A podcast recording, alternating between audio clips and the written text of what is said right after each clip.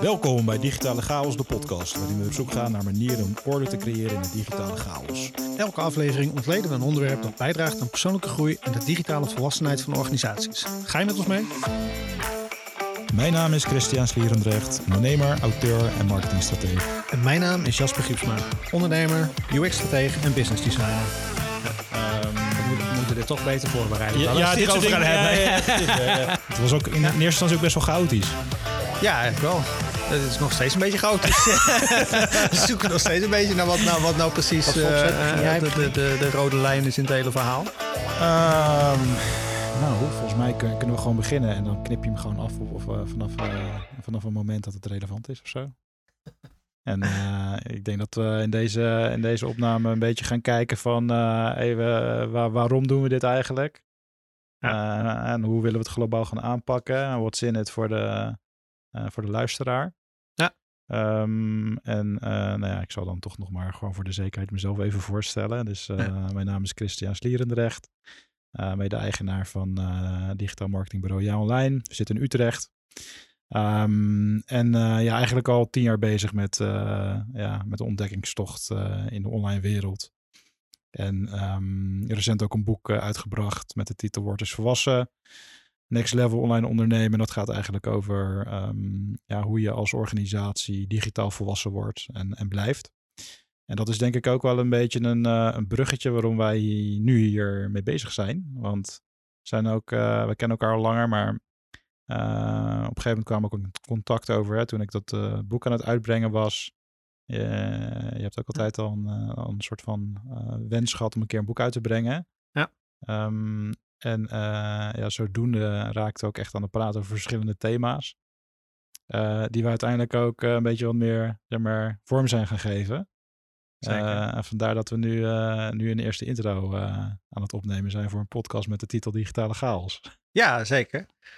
Eh, zal ik me ook maar even kort voorstellen, zodat eh, luisteraars weten waar ze naar luisteren. Ehm, ik ben Jasper, eh, Jasper Giepsma, eh, eigenaar van Daily Creations. We zijn een strategisch designpartner voor organisaties die ja, in digitale transitie zitten. En helpen we eigenlijk bij digitaliseren van producten, processen en, en, en, uitingen. Ehm, al tien jaar ondernemer in designvlak. Ehm zelf een meer, wat meer business achtergrond.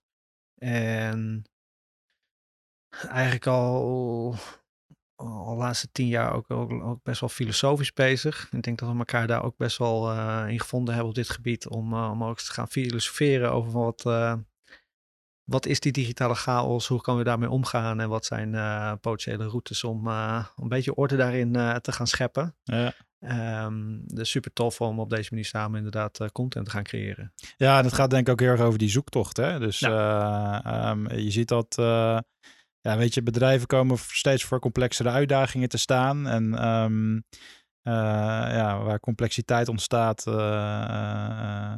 dat gaat soms zelfs over in chaos. Van wat moet je überhaupt? Hè? En Ja. ja, ik denk ook wel, als je een beetje kijkt naar de aanleiding van de podcast, dus waarom doen we dit? Weet je, je ziet dat natuurlijk om je heen gebeuren. Eh, er zijn best wel veel bedrijven die worstelen met, met wat er allemaal gebeurt. Hè? Dus ehm, Zeker.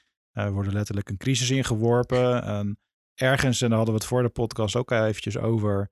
ehm, want we hadden een, eh, een plaatje opgeduikeld op, eh, op de laptop van het Cinefin framework. Dat, dat is een Ja. framework, die kreeg ik overigens een tijdje geleden als tip van mijn zus. ehm, eh, die veel met leiderschapsontwikkeling bezig is. En ehm, eh, dat zijn eigenlijk, eh, je ziet er eigenlijk vier vlakken in. Eh, je kan eigenlijk vier verschillende processen hebben. En dus een kwadrant, dus rechtsonder heb je dan de simpele processen. Rechtsboven heb je dan de eh, gecompliceerde processen. Linksboven de, de complexe. En linksonder echt de chaos. Ja. En daar werden we natuurlijk allemaal ingeworpen, die chaos. De afgelopen Zeker. periode. Want toen raakte, dat Ja. was ook een beetje, een beetje toen wij in gesprek raakten. hè. Ik heb mijn boek Eigenlijk wel. mijn boek ehm, afgemaakt eh, ehm, aan het begin van, eh, van toen de corona inkikte. Want toen dacht ik wel van het moet er nu echt komen. Ja. Ehm, eh, en als een stok achter de deur ook een soort van dat ik jou heb gevraagd van oké, toen het boek uit was, wil jij een soort van mijn accountability partner zijn? Ja. Ehm, eh, zodat ik ook een klankbord heb om eh, dat we om de twee weken even een check-in doen met oké, hoe ver zijn we met, hoe ben ik met, met bepaalde acties en ehm, Uh, ja, toen gaf jij ook aan van ja, weet je, ergens heb ik ook een wens om een keer een boek uit te brengen. Of in ieder geval iets te doen met bepaalde thematiek. Ja. Dus zijn we eigenlijk een beetje gaan, gaan brainstormen en wat, wat proefopnames opgenomen. Dat, dat, dat heeft zich eigenlijk een beetje gevormd op die manier. Ook, het was ook in, in eerste instantie ook best wel chaotisch. Ja, eigenlijk wel. Het is nog steeds een beetje chaotisch. We zoeken nog steeds een beetje naar wat nou, wat nou precies uh, de, de, de, de rode lijn is in het hele verhaal. Ik denk dat dat uh, wel leuk is. En ik denk dat dat zeker ook dat, um, ja, dat framework wat je, uh, wat, je wat je aangaf eigenlijk, wat je even doorstuurde. Ik denk, denk waar, we het, waar we het eerder over gehad hebben. Ik denk het grappige is dat we ons allebei best wel thuis voelen in chaos. En ik denk mm -hmm. dat dat ook iets is waarom wij uh, meestal als wij met elkaar in gesprek zijn, vrij snel filosofisch uh, richting opgaan. Dus dat je toch best wel, uh, ja, we gedijen een beetje in chaos. Ja. En um, ik vind daar ook heel interessant om te kijken naar van wat zijn nou thema's die we, die we zien, of wat zijn de richtingen die we zien waar, waar we um, ja, enigszins mensen kunnen helpen om, om tot inzicht te komen. En mensen kunnen helpen om, om te gaan kijken naar nou, oh, wat, wat, houdt dit nou voor mij in? Hoe kan ik nou omgaan in zo'n chaotische omgeving? Ja. ja. En misschien onszelf daar ook, uh, zeg maar, onze gedachten daar verder uh, in, in, te vormen, onszelf een beetje te helpen. Ja. Uh, het is een soort van zelftherapie, deze, deze podcast. Wel, ja. ja, grappig. Want, wat, wat, zeg maar, weet je voor jezelf, kun je een beetje herleiden waarom jij je dan lekker voelt bij bepaalde, bepaalde maten van chaos? Waarom je daar goed in kunt gedijen? Ja, dat is een hele interessante. Ik denk dat dat iets is wat. Um...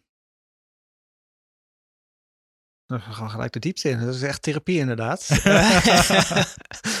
nou, ik, ik, ik ben uiteindelijk. Ik heb heel veel moeite gehad altijd in het verleden om, om te vinden van wat, van wat vind ik nou leuk en wat wil ik nou gaan doen. En het, het is mijn, mijn, mijn grootste valkuil is dat ik alles leuk vind. En mm. uh, me nergens aan vast wil leggen. Ja. Misschien is dat ook de reden waarom ik ondernemer ben geworden. omdat ik heel slecht gedij in een, uh, in een stramien van een baan.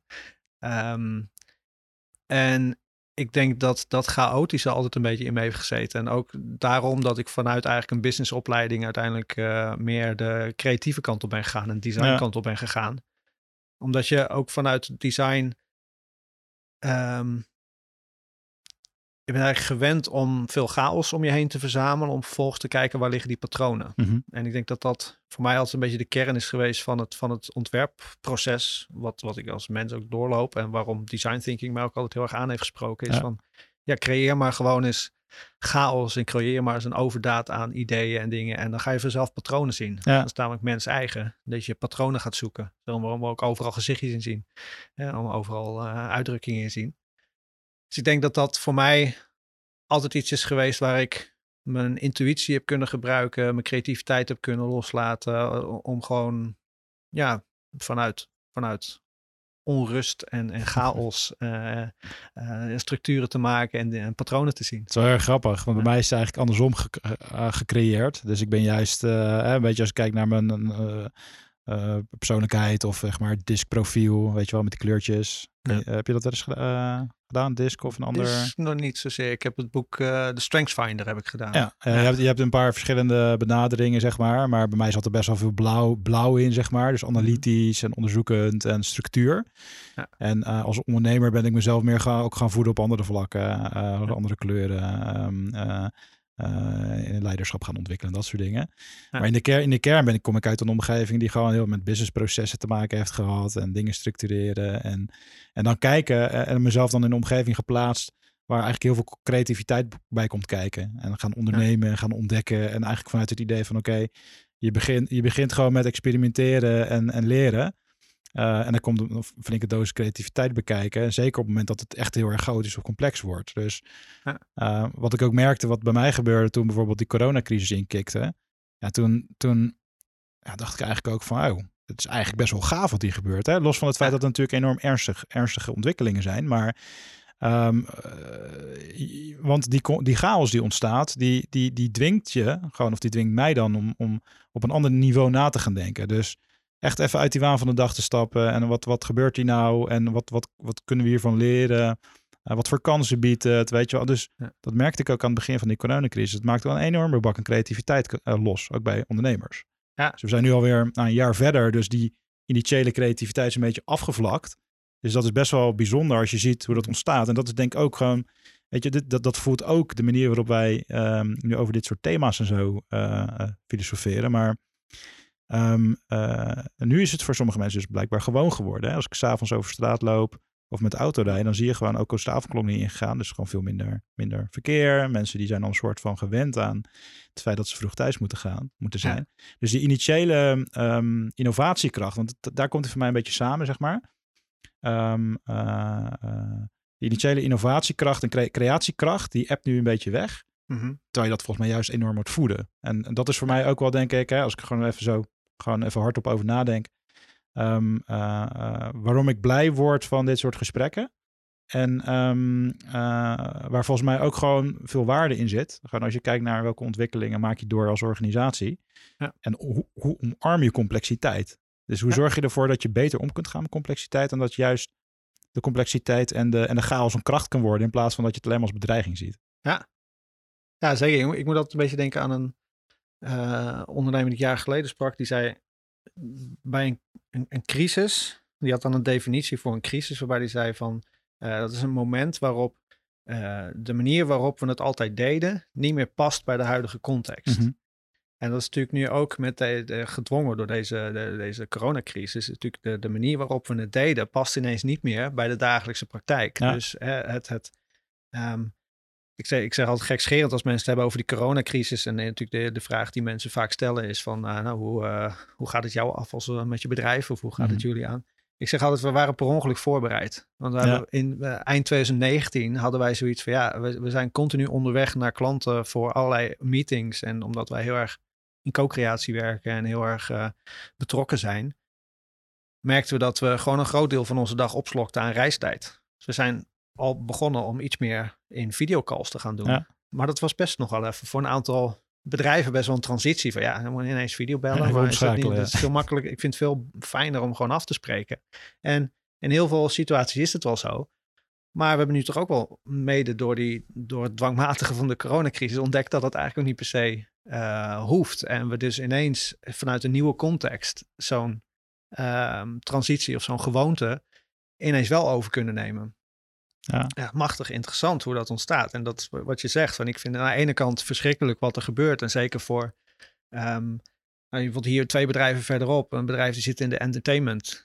Ja, het is gewoon van de een op de andere dag nul omzet. Ja, verschrikkelijk ja. wat daar gebeurt. Maar ik vind het ook machtig interessant om te zien hoe mensen dan vervolgens inderdaad hun creativiteit toepassen. Of ineens ja, na even die eerste shockfase mm -hmm. dan omschakelen naar ja. iets, iets heel tofs. En ondanks dat het zeker, zeker nog niet overal goed gaat. Wel interessant hoe je omgaat als persoon of als bedrijf met, met, met zo'n uh, transitieperiode of zo'n crisisperiode. Ja, ja en, zo, en zo vind ik ook, hè, en dat, dat, dat schrijf ik bijvoorbeeld ook in mijn boek van. Um, uh, kijk, de, de, transformatie doormaken, de grote bedrijven, de grote corporates, die hebben daar wel stappen in gezet of grote potten voor. Maar, uh, zeg maar MKB-bedrijven, die, die, die hebben daar vaak nog niet een, een, een gewoontestramien of zeg maar een adaptieve mindset voor. Um, inclusief een toolbox om daar goed mee om te kunnen gaan. En Um, ik denk dat daar wel de komende jaren gewoon best wel een, een, een, omslag voor nodig is. Om ook in de toekomst zeg maar duurzaam te kunnen blijven, te blijven ontwikkelen als, als bedrijf, een MKB-bedrijf.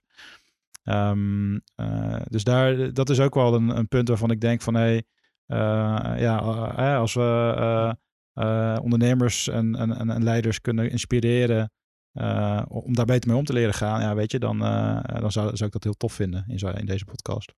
Ja, zeker. En wat ik dan wel interessant vind, wat je zegt van hè, dat grote bedrijven daar misschien de budgetten en de potten voor hebben, vind ik wel, uh, mijn inzien is dat vaak wel um, dat ze dat spenderen aan tooling mm -hmm. en spenderen aan mensen, consultants, dat soort dingen, die draait daar natuurlijk uh, flink op. Maar of ze nou daadwerkelijk uh, um, de impact maken. Die impact kunnen maken en de transities doormaken, dat is dan wel een beetje, dan, dan denk ik ja. van ja, daar stel ik wel mijn vraagtekens soms bij. Ja.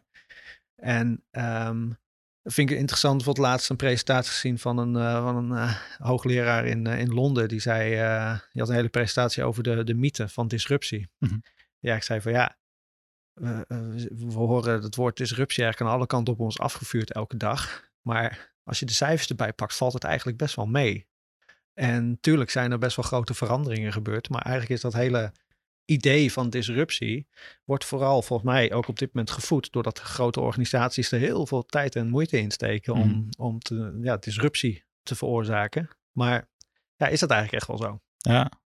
En Ja, ik denk juist vraag. dat kleinere bedrijven, kleinere ondernemingen, eh, heel veel van die dingen onbewust doen. Dus die veranderkracht eh, vaak heel onbewust in zich hebben. Ja. Eh, en natuurlijk omdat je kleiner bent, veel ehm, wendbaarder bent Mhm. vaak. Eh, even vaak in resources en in, in capaciteit.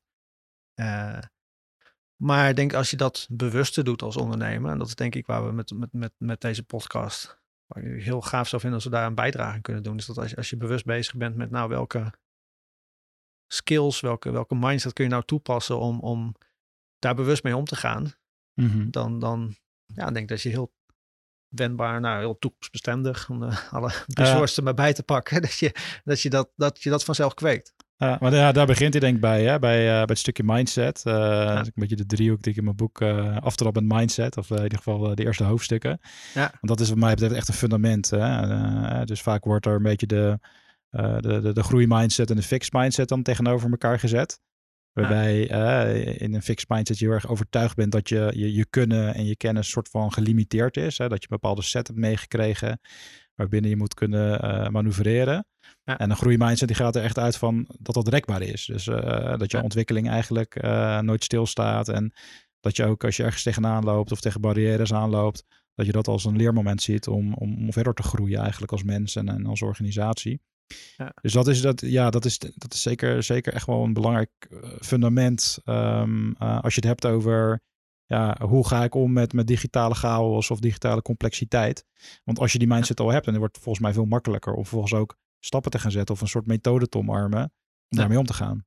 Ja, het is een heel, hele mooie brug naar, naar, naar denk ik, een, eh, het, het idee of de stramien wat we hebben voor de podcast. Omdat ehm, we natuurlijk, eh, denk ik zelf ook al in een ontdekkingsreis zitten en natuurlijk een beetje in die chaos eh, bewegen. Hebben we denk ik ook vanuit onze eigen ondernemingen best wel een drang naar structuur. Mhm. Eh, en, en dat we toch een beetje een frameworkje willen gaan gebruiken om in ieder geval onze podcast op in te gaan richten. En je noemde er net al een, een stuk mindset. Wat denk ik ja, een van de belangrijkste elementen is. Een van de belangrijkste fundamenten is. En ik denk ook eh, hoe wij allebei ook wel denken over bijvoorbeeld eh, inrichten van je organisatie of het opleiden van je mensen in je organisatie. Eh, ook natuurlijk vanuit de hele drang naar het leven lang leren toe. Ontzettend belangrijk. Ehm, en in je boek heb je dan vervolgens nog twee andere. Je hebt dan volgens de methodewereld en de gewoontewereld. Klopt. En eh, misschien wel interessant om eh, even naar Ja. die... eh, Ja, ik denk dat we over, over het boek kunnen we een hele aparte eh, episode opnemen. ja, Ehm, maar ja, ik denk dat, eh, dat, kijk, ik denk dat we inderdaad allebei eens zijn over die mindset is een randvoorwaarde. Ja. En, de, en de methode is eigenlijk gewoon, oké, hoe, hoe kan je concrete stappen zetten om ergens naartoe te, te, te werken? In mijn Ja. boek heb ik dan een, een soort van wendbaar marketingmodel eh daarvoor gemaakt. Ja. Ehm, maar ehm, ja, ik denk dat als je het in de context van deze podcast ziet, dat het, eh, eh, dat, het- dat het nog een stuk breder kan zijn. Dus het kunnen bepaalde modellen zijn, het kunnen bepaalde eh, methodieken zijn, zeg maar, die je in je, in je toolkoffer kan stoppen, onder je arm kan meenemen en kan gebruiken. Ja. Dus het, dat gaat heel erg over ehm hands-on ermee bezig zijn. Ehm, en, en concrete stappen zetten. Dus wat je in de praktijk vaak ziet, oké, weet je wel, dan, dan is er een overtuiging van, oké, fix je mindset en de rest komt vanzelf. Ja. Eh, visualiseer je succes en je wordt vanzelf eh, rijk, succesvol en gelukkig. Nou ja, kijk, eh, eh, ik denk wel dat we er beide eh, over iets andere manier over denken. Eh, je moet ook gewoon gaan doen op een gegeven moment. En ik zie in dat ehm ja, methodestuk gaat het echt over doen. Dus waar je bij mindset echt wat meer in je hoofd zit denken en, en ehm, eh, die als randvoor, ja, die randvoorwaarden optimaliseert, gaat het in, in, in de methodestuk echt om doen. En hoe kan je dat concretiseren en kun je een soort houvast creëren om, eh, eh, ja, om je daarin te bewegen, zeg maar. Ja. Dat is een beetje hoe ik hem voor me zie. ja, Ehm, dat is denk ik ook, ook wel interessant vinden. Dat, dat veel meer een stuk is om te inspireren van waar liggen nou mogelijke handvatten om aan de slag te gaan. Zonder, dat, eh, zonder dat we hier willen gaan prediken wat het, gou- wat het, wat het gouden ei is, of noemen we dat? Het, Ja. eh, het, eh, het gouden idee is. Ehm, We gaan niet, we gaan niet een stappenplan van, van, van A tot Z geven. Van dit Nee. moet je doen en dan, dan word je rijk, succesvol en gelukkig. Maar ik denk wel meer de, de, ja, zeg maar dat je, dat je zelf ehm, geempowered wordt om die zoektocht bij jezelf te versnellen. Het zit misschien wel in versnelling of in een stukje Ja. empowerment. Ja, wat ik zelf vond hele, hele interessante, uh, op mezelf betrekken, interessante transitie vind ik doorgemaakt heb, is um, in het verleden ik ben, ik ben heel goed in nadenken, heel goed in dat, in dat stuk ervoor. Maar dan mhm. uiteindelijk het wat gaan doen of het gaan concretiseren, daar heb ik vaak wat last, uh, wat moeite mee. En ik kende heel veel modellen en heel veel soorten methodes en heel veel soorten frameworks waar je dingen in op kan hangen. Maar het was toch altijd een beetje een soort invuloefening of een stukje van, ja, ik doe het maar, maar wat kan ik hier nou uiteindelijk mee? Ja. Ik denk dat de afgelopen jaar, ook, ook mede door de crisis, ook best wel wat puzzelstukjes op zijn plek zijn gevallen. Ja. En dat opzicht ook veel meer ben gaan kijken naar die modellen als verschillende gereedschappen in je toolkit. Die je inzet om, om, om iets voor elkaar te krijgen, maar ook om het overdraagbaar te maken. En het lijkt me heel tof om daar inderdaad uh, ja, wat mee te inspireren en uh, mensen tot inzicht te, te, helpen komen. Ik vind het ook wel heel herkenbaar hoor. Want eigenlijk zeg maar die invuloefening, daar heb ik zelf ook nooit echt veel aan gehad. Maar op een gegeven moment ga je een beetje cherrypicken, ga je een beetje elementen eruit halen. Net zoals eh, jij mij iets van anderhalf tot twee jaar geleden eh, de tip gaf om eens naar het OGSM-model te kijken. Dus eigenlijk gewoon businessplan op 1 A4. Ja. Uh, eigenlijk gewoon complexe dingen nog simpeler maken en plat slaan. Ja. Um, en uh, ja, op een gegeven moment dan pak je daar bepaalde stukjes uit die je dan misschien net even tweakt of op een manier invult die goed bij je organisatie past. En dan, dan heeft het opeens super veel impact. Ja. Terwijl wat ik vroeger deed, ja, lijvige, lijvige jaarplannen schrijven, dat doe ik al lang niet meer. Het, uh, dat is me wel geleerd tijdens mijn studies. Hè. Bedrijfskundige studies gedaan. En dan moest ik mezelf echt afleren in eerste instantie als ondernemer. Dus uh, er zit ook een stukje van, oké, weet je wel, um, onderwijssysteem is niet helemaal ingericht op de toekomst, zeg maar. Dat loopt per definitie achter. Ja. En als ondernemer of leider in een organisatie moet je volgens mij wel bepaalde uh, topics of bepaalde onderwerpen um, voeden om daar beter mee om te kunnen leren gaan. Dus uh, op school leren we niet per definitie bijvoorbeeld hoe we, hoe we zelf goed leren of hoe je omgaat met, met, met chaos of complexiteit. Ja. Maar je leert, je, leert ja, feiten repliceren. Dus daar zit voor mij ook wel iets van, uh, ja, als je het hebt over, over methode, dan is dat niet per definitie een platgeslagen stappenplan van A tot Z, maar dan is het echt een uh, een toolbox waar je, wat jij ook mooi aangeeft, waar je kunt uh, cherrypicken en waar je vervolgens gewoon verder mee komt. En een soort van meer adaptief vermogen, dat je dat voelt. Ja, ja dat vind ik ook zo mooi aan, aan de opleiding die ik gedaan heb, mijn HBO-opleiding. daar lag de nadruk veel meer op, op competentiegericht onderwijs. En um, daar hadden we ook bijvoorbeeld geen tentamens, maar je had assessments. Mhm. En in dat assessment uh, moest je dus volgens een STAR-methodiek moest je uitschrijven van, goh, wat heb je hier gedaan en welke competentie wil je hier gaan aantonen? En bewijs gaan verzamelen. Maar daarbij maakte het niet uit of je een marketingplan had geschreven wat uh, alle doelen bereikte, of een marketingplan geschreven wat gewoon totaal faalde. Ja. Als je vervolgens in dat assessment kon uitleggen wat je ervan geleerd had en uh, hoe je het model hebt toegepast en hoe, hoe je begrijpt wat je gedaan hebt en waar het misschien mis is gegaan of waar het beter kan of dat soort zaken, dan haal je gewoon een voldoende. En dat is denk ik wat je zegt, het onderwijssysteem nu ingericht op feiten en op goed en fout. Maar ja, in de praktijk, in een complexe wereld of in een chaotische wereld, is ja, goed en fout is niet zo zwart-wit. En is niet zo te benoemen als van uh, je hebt nu een 9 en je hebt nu een 4. Nee, die 4 kan een learning teweeg brengen die straks gewoon een 10 is. Wat je, wat je net omschrijft, ik zat dus um, gisteren zat ik met eh, een paar mensen van het Grafisch Lyceum. Ook, ook, een soort van, uh, om vanuit de, vanuit beroepen, uh, beroepomgeving mee te kijken naar een stukje onderwijsinnovatie. En die zijn letterlijk ook met dit soort dingen bezig nu. Ja. Dus met assessments per fase en eigenlijk meer een soort van agile, agile insteek in, in onderwijs creëren. Dus het is, wel, dus het is wel grappig dat, dat die beweging ook al in het onderwijs aan het, aan het inzetten is nu. Ja. ja. Dat is wel tof om te zien. Ja, dat is heel gaaf. En, en um, om een brugje te maken naar het, vol, naar, naar, naar, naar dat, het, het, het gewoonte uh, wereld is bijvoorbeeld ook het, het stukje learning by doing wat ik heb meegekregen in mijn opleiding. Was van, het is goed om onderbouwd met, aan een model, aan, met een model aan de slag te gaan. Uh, maar vervolgens kijk ook um, uh, wat, wat zijn de mechanieken erachter. Mm -hmm. En ga het gewoon doen en ga het toepassen. En leer door het toe te passen hoe dat ding werkt of hoe iets werkt. Ja. En daarmee ben ik ook veel meer in, in, een, in een mindset gekomen van ja, soms moet je dingen gewoon maar ervaren om te kijken hoe je ervan kan leren. We hadden het vanochtend wel over een van de eerste UX-opdrachten die we gedaan hebben. Uh, waarin we eigenlijk een soort van verrast werden met een opdracht. en eigenlijk van de een op de andere dag, uh, letterlijk, van op woensdag hadden we het gesprek en op donderdag moesten we een eerste sessie gaan faciliteren. en was ons allereerste echte UX project. En we zijn er maar gewoon ja, in een soort blinde paniek, maar alles gaan doen wat we daarvoor gelezen en over gefilosofeerd hadden. En ja, het is een super tof project geworden, super gaaf. En daar hebben we echt onze passie gevonden in de dienstverlening. En dat hadden we niet gedaan door ja, eerst maar te zeggen van nou, we gaan dan eerst de komende twee weken een plan maken hoe we dit gaan, uh, gaan doen. En dan maar helemaal uit gaan kristalliseren hoe en wat. Nee, gewoon maar gaan doen. Ja. En dat was uh, een hele toffe les daar. Ja, dus je hebt een, uh, als ik hem dan even, even, even terug, terugpak, dus een randvoorwaarde is, je hebt een mindset die, die open staat ook om uitdagingen aan te gaan.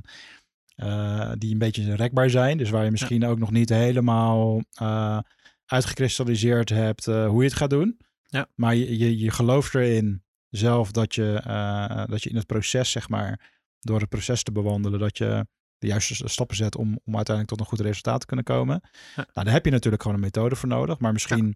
misschien uh, is die methode, bestaat die methode al, of misschien is het de methode die je aan het bouwen bent terwijl je in dat proces bezig bent. Ja.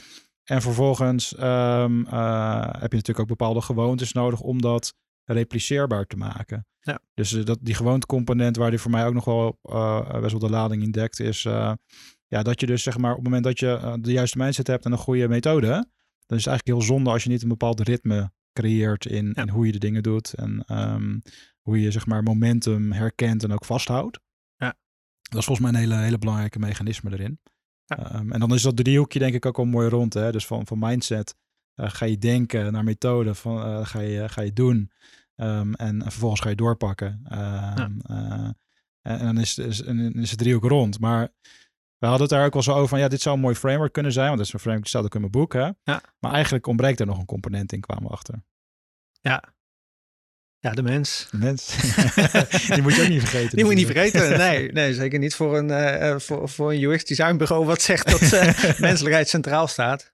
Nee, uiteindelijk gaat het natuurlijk ook gewoon om mensen. En, en ik denk als we, ik denk een van de insteken die we hebben in, in deze hele podcast is natuurlijk dat we uh, uh, mensen willen inspireren, mensen wat, wat, wat, wat denkvoer mee willen geven. Ja. Maar aan de andere kant is het voor ons ook een zoektocht. En is het natuurlijk heel gaaf om, om onszelf ook te laten inspireren door andere mensen. Ja. Dus ja, dat, dat, dat component. Uh, kijk, als we een thema behandelen, is het natuurlijk super interessant om ook eens met mensen in gesprek te gaan die daar uh, die zich dat thema helemaal vereenzelvigd hebben.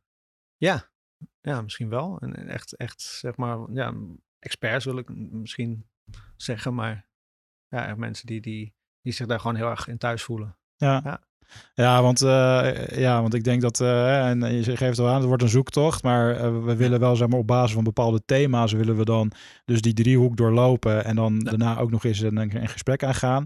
Waarschijnlijk zullen deze episodes gewoon als chaos door elkaar heen los beluisterbaar zijn. Ja. dus we willen onszelf niet committen aan die structuur, maar we willen wel dat het uiteindelijk een soort van ja, een bruikbaar geheel wordt, zeg maar. Ja. Um, en, de en, en, de thema's die zijn daar ook nog eigenlijk onder discussie. Maar ja. we hebben het al over mindset gehad. Dat is, een, is denk ik een hele leuke. Ja. Um, en ja, zo hebben we nog andere, denk ik, kunnen we zo nog een hele bak aan mooie thema's oplepelen die, die daar voeding voor kunnen zijn. Ja, ja, we hebben natuurlijk uh, een thema waar we ons allebei wel goed in konden vinden, nieuwsgierigheid. Ik denk dat dat een, eentje is waar we, waar we zeker wel uh, op los kunnen gaan. Ja. En uh, ja, het lijkt me gewoon een, een, een super toffe zoektocht. En ik zou natuurlijk ook wel graag willen weten wat eventueel luisteraars ervan zouden vinden. Misschien hebben we wel hele toffe thema's waar ze zeggen van, goh, daar... Misschien, heb, misschien, heb is, je daar wel misschien, misschien is het handig om gewoon, gewoon, gewoon even zeg maar op basis van deze thema's wel gewoon even in de lucht te gooien van ja, ken jij iemand die gewoon echt het thema nieuwsgierigheid oont?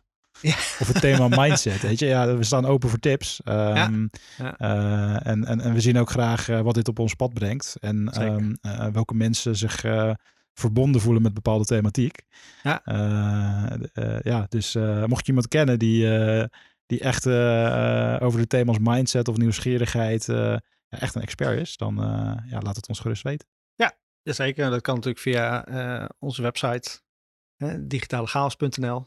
Als het goed is hebben we die, ja, hebben daar wat leuks. in ieder geval ons contactgegevens staan daarop. Nu nog niet, maar de domeinnaam is, ge, is geclaimd en uh, het logo wordt gedesigned. Dus op het moment dat je dit hoort, deze... staat... Oh ja, ja. Staat, als je dit hoort, dan staat hij wel live. Als deze live is, dan is hij ook wel live. Ja, zo... Uh, niet voor niets uh, dat je de marketing-expert bent, toch? Dat ga je wel even regelen voor ons, toch? Maar wij doen gewoon building the, building the plane, plane while flying, toch? Ja, dat is waar, dat is waar. Dus misschien, nou ja, we laten in het midden of die staat of niet. Ja, ja, ja, maar ik heb er alle vertrouwen in dat het goed komt. Ja, ja zeker. Oké, okay, nou dan uh, denk ik dat we een mooie... Het is een rap, denk ik. Mooie strik, mooie, mooie strik eromheen. En, uh, ja, uh, ja het begin van deze... Hier, mooi, mooi gaan ontdekken. Het begin van deze chaotische reis die we door gaan maken. Ja, ik heb er heel veel zin in. Ja, zeker. Ik ook. Tof. Tof man, thanks. Dank, dank je.